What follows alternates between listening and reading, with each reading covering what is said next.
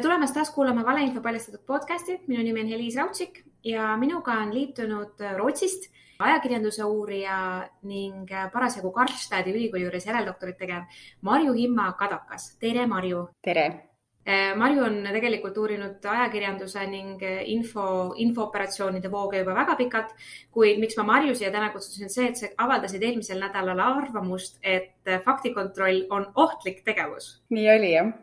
et see on minu eh, päevakommentaar Vikerraadios, millega siis ERR-i eh, Arvamusveeb Äh, tavaliselt ära, ära avaldab, et, et see selline kriitiline mõte seal tõesti oli. miks sa siis täpselt nii kirjutasid, miks sa arvad, et faktikontroll, mida mina teen igapäevaselt, mida me Päevalehes teeme igapäevaselt, miks see siis ohtlik on, mida, mida me teeme valesti? ja äh, selle äh, päeva kommentaari juurde tuleb öelda ka, et ma valin enam-vähem mingisuguse meediateemalise ja parasjagu aktuaalse teema. Ja, ja miks see teema just praegu parasjagu aktuaalne tundus, et erinevatel ajakirjandusuuringute konverentsidel, kus ma olen siin käinud äh, selle sügise vältel, äh, et ikka ja jälle äh, tõstetakse seesama teema ja ka teadusartiklites räägitakse üha enam sellest, et faktikontroll sellise eraldi ajakirjandusliku žanrina või formaadina, et see kogub populaarsust, aga samas võimendab see ka valeinfo esiletõusmist et jah, NATO strateegilise kaitse keskus andis hiljuti välja raporti, kus nad võtavad siis kokku ka erinevad uuringud, mis käsitlevad seda faktikontrolli või üldse valeinfo pikemaajalisi mõjusid. Nad toovad välja äh, neli olulist punkti, äh, miks siis kas faktikontroll või üldse selline äh, vale ja eksitava info avaldamine mis tahes vormis, et see pikendab selle info elutsüklit ja võimendab selle levikut. Teine oluline asi, mis uuringust välja tuleb, on see, et et inimene, kes on kokku puutunud valeinfoga, ükskõik kas või selle faktikontrolli kaudu, et ahah, et ikkagi selline info liikus, see jääb talle meelde, inimesed võivad siiski hakata oma käitumist ümber kujundama ka valeinfo põhjal, isegi kui see on ümber lükatud ühe punktina toob raport välja ka selle, et, et kui üks infokild, sealhulgas näiteks valeinfo, mitu korda kordub, inimene puutub näiteks ühe korra seal faktikontrolli rubriigis sellega kokku või kuskil mujal veel sotsiaalmeedias, see jääb talle meelde ja see tekitab nii-öelda illusoorse tõe efekti, sest ma olen seda mitu korda kuulnud, järelikult on tõsi. Ja neljas punkt, mille uuringute põhjal see raport välja toob, on see, et valeinfo ümberlükkamine võib häälestada inimesi ka siis selle väljaande suhtes, kes seda kontrolli tegi või selle kontrolli avaldas ja samuti hiljaaegu just äh, on äh, sagenenud ka erinevates riikides juhtumid, kus äh, huvirühmitused, näiteks vaktsineerimisvastased, näevad selles ütleme siis faktikontrolli žanris võimalust kaevata ka meediaväljaandeid, näiteks faktikontrolliga tegelevaid portaale, Snopes on siin üks näide. Neid kaevatakse kohtusse ja ka Eestis on tulnud ette neid juhtumeid, kus ajakirjandusväljaandes avaldatud arvamusloole tehti omakorda faktikontrolliline vastulause, selle tegid teadlased ja siis omakorda teadlased said siis kahjunõude selle faktikontrolli tegemise eest. ehk et see on üks viis jällegi sellistel huvi ähm, või, või advocacy organisatsioonidel rünnata kas meediat või teadlasi ja, ja minu seisukoht kogu selle faktikontrolli kui ajakirjandusžanri eh, ohtlikkuse osas, et tulles tagasi su algse küsimuse juurde, et, et see minu seisukoht oli kujundatud ennekõike just sellest, et, et see on ohtlik eh, žanrina, eh, kuna seda saab kasutada ka ajakirjanduse enda vastu ära ja, ja kuna ajakirjanduse põhiolemus peabki olema avaldada faktiliselt kontrollitud infot ja see eeldab, et, et faktikontrolli kui tegevust tehakse enne avaldamist, siis faktikontroll ongi avaldamise eeldus ja seda ei pea nii-öelda eraldi eeslaval välja mängima. Siin on nüüd hästi palju ühiseid asju, et üks on see inimeste tarbija pool ja infotarbija pool, kes seda faktikontrolli, mida me ka toodame, tarbib ja teine on siis see tõesti see väga spetsiifiline ajakirjanduslik ning meediakriitiline pool, mida sa välja tõid, mis ka siis konkreetselt noh, selle Päevalehe loo vältel, mida sa siin äh, näiteks tõid. Ähm, kuidas me siis peaksime ikkagi nagu vahet tegema, kui on valeinfod juba või vale, valeväited kuskil avaldatud saanud, et me ei saa ju lasta neil seal lihtsalt äh,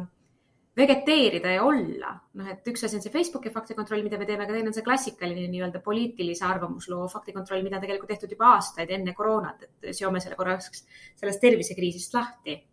et see ju iseenesest ju ei ole halb asi, et me poliitikuid vastutusele ju võtame. ja, aga kas alati, et äh, see on ka küsimus ja tegelikult oli see juba ammu enne seda, kui need koroonateemalised äh, kas arvamuslood või, või mis tahes muud äh, taolised lood levima hakkasid või kus neid hakati nii-öelda ära kasutama ka ajakirjandusväljaannete vastu, et ka enne seda võib-olla just ka arvamusrubriikides avaldati liiga kergekäeliselt inimeste arvamusi, sest ka arvamusloo puhul tuleks kontrollida selles sisalduvaid väiteid. aga jah, faktikontroll kui selline on loomulik osa ajakirjanduslikust tööprotsessist, kus äh, ja see ongi see filter, mille ajakirjandus peaks panema ja kui seda ei ole, siis, siis, siis põhimõtteliselt ajakirjandust ei erista kogu ülejäänud muust meediast või alternatiivmeediast või ka sotsiaalmeediast mitte miski. ehk et see on hästi keskne, hästi oluline nii-öelda etapp kogu selles info töötamise protsessis, mis peaks eelnema avaldamisele, et mitte avaldame valeinfo ära ja siis hakkame ümber lükkama. aga kui sa küsid, et kust läheb nüüd see piir, et, et millisel puhul peaks nüüd ka faktikontrolli, ütleme sellise nii-öelda faktikontrolli žanriga tõmbama tähelepanu ja tegema sellele äh, Äh, sellisel moel faktikontrolli, nagu näiteks Delfi teeb, et siis äh, iseenesest äh, neid näiteid on ka siin ajakirjanduspraktikast, et võtame kasvõi mm, USA presidendivalimised, kus oli otse-eeter, kus ei olnudki võimalik seda nii-öelda eelnevat faktikontrolli teha vaid seda tuligi siis tagantjärele teha, et kui olid äh, presidendikandidaatide debatid, siis ajakirjanikud pärast seda võtsid ja lükkasid ümber neid äh, väiteid, mida, mis seal debattides siis kõlasid. et äh, see on kindlasti üks koht, kus faktikontrollil on oma, oma roll. ja teine, mida ma ka tooksin välja ja mis, mis ongi niisugune võib-olla natukene hägus ala, et kui mingisugune teema ikkagi väga laialdaselt läheb levima ja see on noh, vajab kontrollimist või, või võib olla vale või eksitav, et siis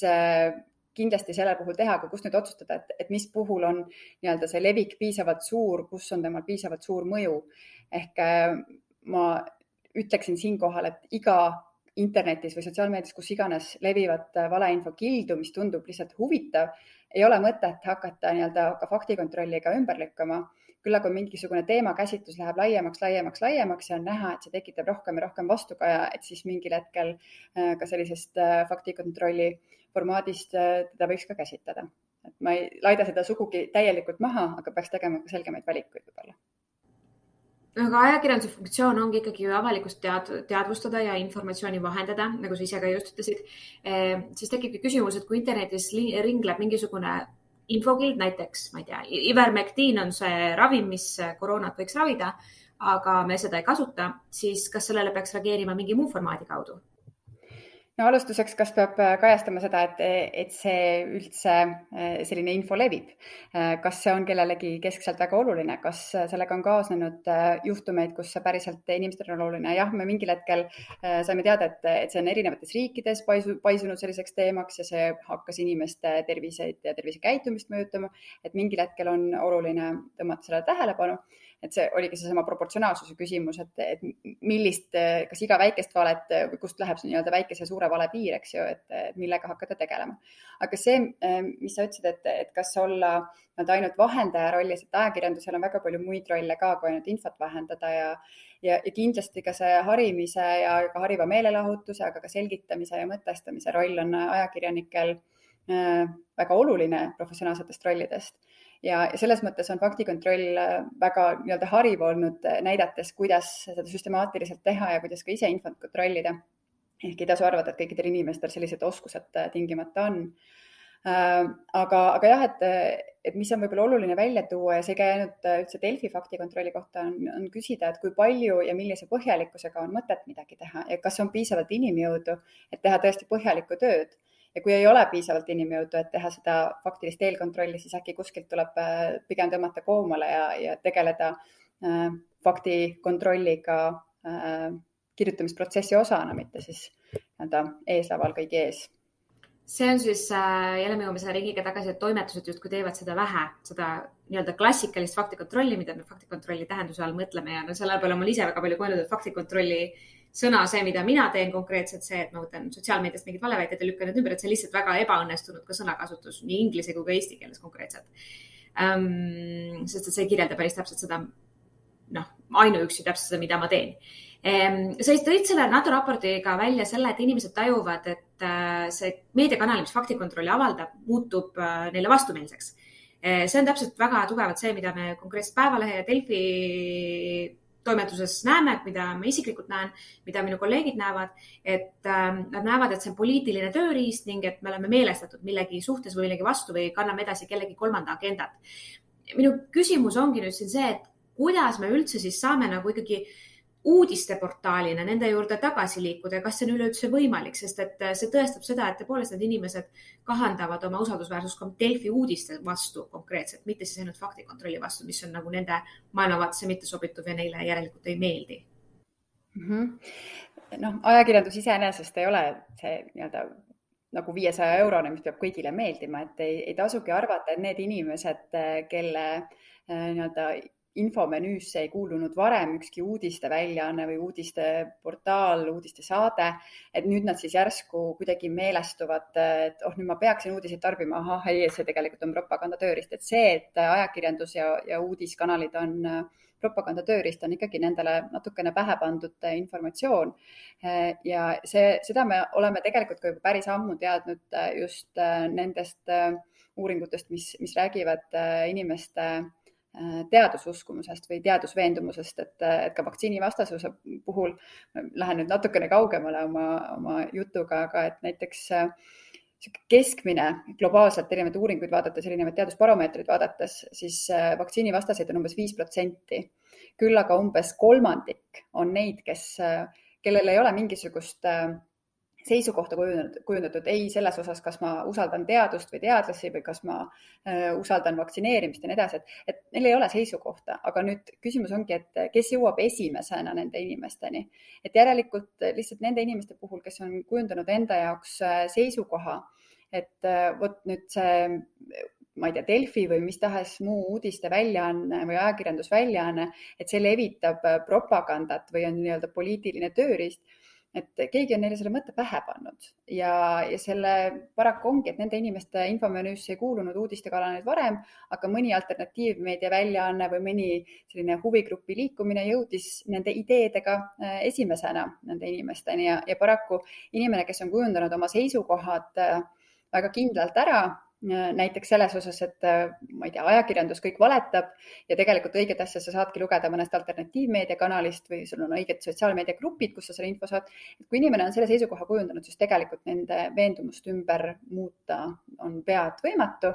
ja, ja vahest ei olegi vaja sellega tegeleda enam. samas tuleb endale ka meelde tuletada, et neid inimesi, kes väga tugevalt oma veendumuse ära kujundavad, ei ole ülemäära palju. Need võivad erinevatest teemadest küll niimoodi kõikuda, aga see ei ole, see ei ole võib-olla, me ei räägi rohkemast kui viis või kümme protsenti, kellel on väga tugevad ja vastalised veendumused. et siiski inimeste inforepertuaarid on, on väga erinevad ja, ja noh, paraku võib siin ka muidugi ajakirjandus endale otsa vaadata, et, et miks siis ajakirjandus ei kõnetanud varem neid inimesi, miks, miks ajakirjandus ei suutnud või ka need uudised ei suutnud varem köita inimesi ühtsesse inforuumi et see probleem algas uudiste puhul ju oluliselt varem kui koroona või, või ka valeinfo levik mm. -hmm. ma korraks äh, liigun tagasi ikkagi Delfi faktikontrolli juurde, selle juurde, mida meie teeme, kuna selle saate formaat täna on äh, kritiseerida meie tegevust, siis ähm, me teeme Facebooki faktikontrolli äh, küll mittesõltuva partnerina ja ma tahan siinkohal kohe eos disclaimer'il lisada selle, et kellegi postitusi me ei kustuta, ei blokeeri kedagi, mingit sellist imevõimu meil ei ole. küll aga, et kui mina kirjutan faktikontrolli, mille ma lisan Facebooki tööriista kaudu siis mingisuguse postituse juurde Facebookis, siis see algoritm tõmbab seda allapoole ja tuleb sinna vale märg, valeinfo märgis juurde, et see postitus ei kustu, aga see märgis sinna juurde läheb ja nii-öelda see on Facebooki nii-öelda plaaster, et nemad võitlevad valeinfoga nüüd see ongi see võib-olla laiem filosoofiline või laiem, ma ei tea, kui palju sa seda uurinud oled, et kas, kas sellel Facebooki faktikontrollil, kus siis nagu sotsiaalmeedia ähm, agent või, või see sotsiaalmeedia gigant nagu Facebook seda faktikontrolli vahendab, kas sellel on mingisugune roll, sest et see on natuke teine asi, kui inimene ise läheb sinna Delfi esilehe või läheb ise seda faktikontrolli guugeldama ja otsima. kas see mõjub samamoodi? See on natukene nii ja naa, et äh, olgem ausad, kui äh, Facebook hakkas oma faktikontrolli neid äh, toetusi ja koostöid tegema, et siis seda ka väga kriitiliselt öeldi, et see on mainekampaania Facebookile, sellepärast et olgem ausad, suure osa kogu sellest infodeemiast ja, ja valeuudiste ja valeinfo levikust on needsamad Facebooki enda algoritmid põhjustanud, teades, et inimesed mullistuvad rohkem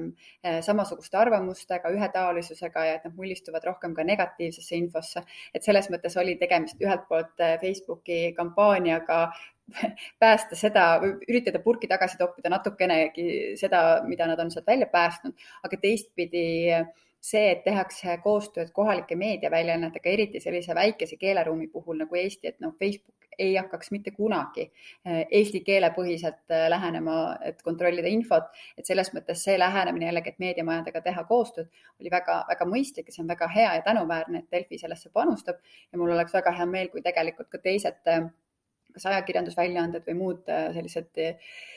hea inforuumi eest võitlevad äh, üksused ja organisatsioonid paneksid oma õla alla, et see oleks äh, tõhusam, ainult nii me saame oma väikeses keeleruumis seda info, info kvaliteeti kontrollida ja soodustada. ma arvan, et, et see on, see on tänuväärne ja see on vajalik.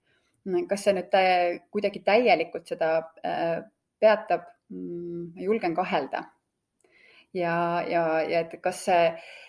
seesama algoritmidele tohutu lootuse panemine, et äh, algoritmid töötavad ühes mustas kastis, mille tegelikku olemust äh, teavad väga vähesed, äh, kes selle musta kastiga töötavad, et et see, mida algoritm ühes kohas võib võib-olla alla suruda, võib ta teises kohas siiski oluliselt võimendada. et väga suur osa on seal ka inimkäitumise komponendil, mida, mida meile jällegi selles mustas kastis väga hästi ei näidata no nüüd me jõuame selle laia plaaniga, millega võib-olla on ka kena nagu lõpetada vaikselt meie arutelu ähm,. eile või, eelmisel nädalal ma rääkisin presidendiga, president on varem mõtet väljendanud, sotsiaalteadlane, ükskõik kellele helistada, psühholoog, arst, vahet ei ole. kõik arvavad, et hariduses on asi kinni, et sellest ähm, info mullistumisest välja liikuda.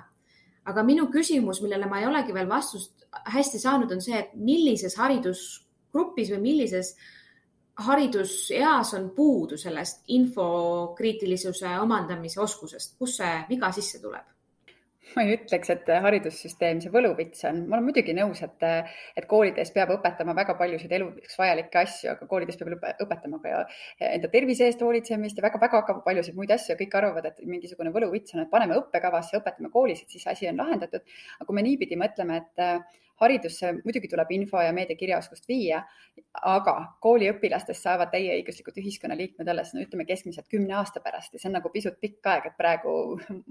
põlevat maja probleemina lahendada, eks ju, ennetustööga, et muidugi see kuulub ka äh, praegustesse õppekavadesse, kui vaadata, see on äh, lõimitud äh, tuumoskus, äh, tuumpädevus, mida, mida tegelikult meil õppekavad ka väga hästi sisaldavad ja kui vaadata ka seda, mida õpilased koolis õpivad, siis meedia, info, infokirjaoskuse teemad on, on seal täiesti olemas. ma arvan, et ka koolilapsed ei ole need keskselt, kes valeinfot toodavad või levitavad või ei saaks hakkama ka faktikontrolliga, saavad küll küll aga meil on probleem inimestega, kes ei ole kunagi saanud meedia infoõpetust, aga näiteks ei ole saanud ka kunagi ühiskonnaõpetust. võtame näiteks ühiskonnaõpetuse näite, meil tuli õppekavadesse kooli õppekavadesse ühiskonnaõpetus veidi enam kui kakskümmend aastat tagasi, mis tähendab seda, et kõik üle kolmekümne viie aastased inimesed ei olegi isegi seda koolis õppinud, ehk et nad ei pruugigi mõista demokraatliku riigi toimemehhanisme, nad ei pruugigi aru saada äh, ka, kuidas info liigub või mis on näiteks ajakirjanduse kui institutsiooni roll demokraatlikus ühiskonnas või kellel on mis õigus või mida tähendab ka sõnavabadus või mida tähendab arvamusvabadus või mida tähendab vastutus nende asjade eest. ehk et äh, meil on kõik üle kolmekümne viie aastased inimesed äh, potentsiaalselt need, kes eh, ei ole päris ühesuguste arusaamadega ega päris ühesuguste oskuste ja pädevustega infot hinnata, infot kontrollida ja osata ka demokraatlikus riigis nii-öelda infoga vastutustundlikult ümber käia. Et siin on mõttekoht, kuidas äh, nii-öelda harida küll, aga võib-olla mitte ainult haridussüsteemi sees, vaid, vaid üha enam rääkida ka elukestvast õppest töökohal, et ka meie töökohad ja töö, äh, tööandjad võiksid mõelda selle peale, et kas tema töötaja võib-olla on see potentsiaalne valeinfo looja ja levitaja, et kuidas nende inimeste infokirjaoskust õpetada, õppida. samamoodi mõtleme meie õpetajatele, kes koolides õpetavad, ka nemad ei ole saanud tegelikult mingisugust äh, võib-olla väga head ettevalmistust, eriti vanem generatsioon ähm, ka digikeskkondades, sotsiaalkeskkondades, sotsiaalmeedias, internetis käitumiseks. ehk seda haridust on vaja, aga seda on vaja palju rohkem kui ainult üldharidus koolis ja, ja laiemalt.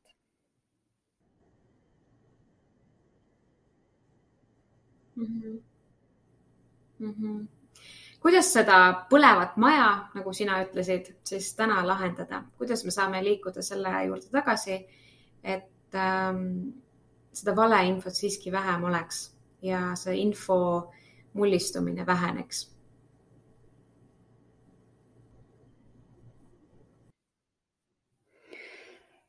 noh, võluvitsa ei ole ja ei ole ühte toimivat lahendust, sest kui see oleks, siis oleks juba kasutusele võetud, et igaüks saab oma äh, võimekuse piirides teha, et äh, tõepoolest on see siis, harime neid õpetajaid, kes aitavad koolides õpetada, aga harime ka oma töötajaskonda mis tahes töökohtadel. aga samamoodi võtame ajakirjanduse kui institutsiooni. demokraatlikus ühiskonnas on ajakirjandus see, mis peab suutma tagada faktiliselt täpse informatsiooni, et kui see ilmub, siis see on juba kontrollitud ja, ja tagada ka siis seda, et inimene peab saama usaldada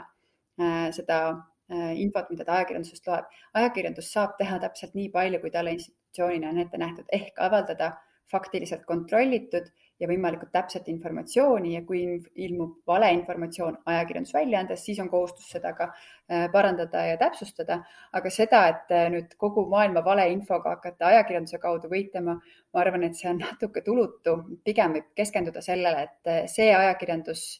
see inforuum, mille eest ajakirjandus peab hoolt kandma, oleks kvaliteetne ja puhas ja, ja igasugused äh, muud institutsioonid, on need äh, kommunikatsiooni, kommunikatsiooni mm, organisatsioonid või, või ka ametkonnad, riiklikud institutsioonid et igalühel on oma roll täita selles ja igaüks peaks oma rolli ka selles mõttes äh, mõistma ja siis tegelema nende ülesannetega, mis on antud, mitte võtma võib-olla lisaülesandeid ja proovima ära parandada maailma nendes kohtades, kus see on tegelikult kellegi teise ülesanne. ja noh, lõpuks äh, tuleb meeles pidada ka seda, et äh, vaba ja demokraatliku ühiskonna üks tunnus on ka see, et inimestel on siiski õigus arvata, kahjuks ka väljendada ja, ja siis äh, ka ja uskuda seda, mida, mida inforuum talle pakub, et äh, ainus, mida ajakirjandus siin teha saab, ongi hoida seda inforuumi võimalikult äh, puhtana, et need, kes tahavad uskuda ajakirjandusse, saaksid seda siis ka usaldusväärselt teha. aitäh sulle, Marju ja jõudu. jõudu.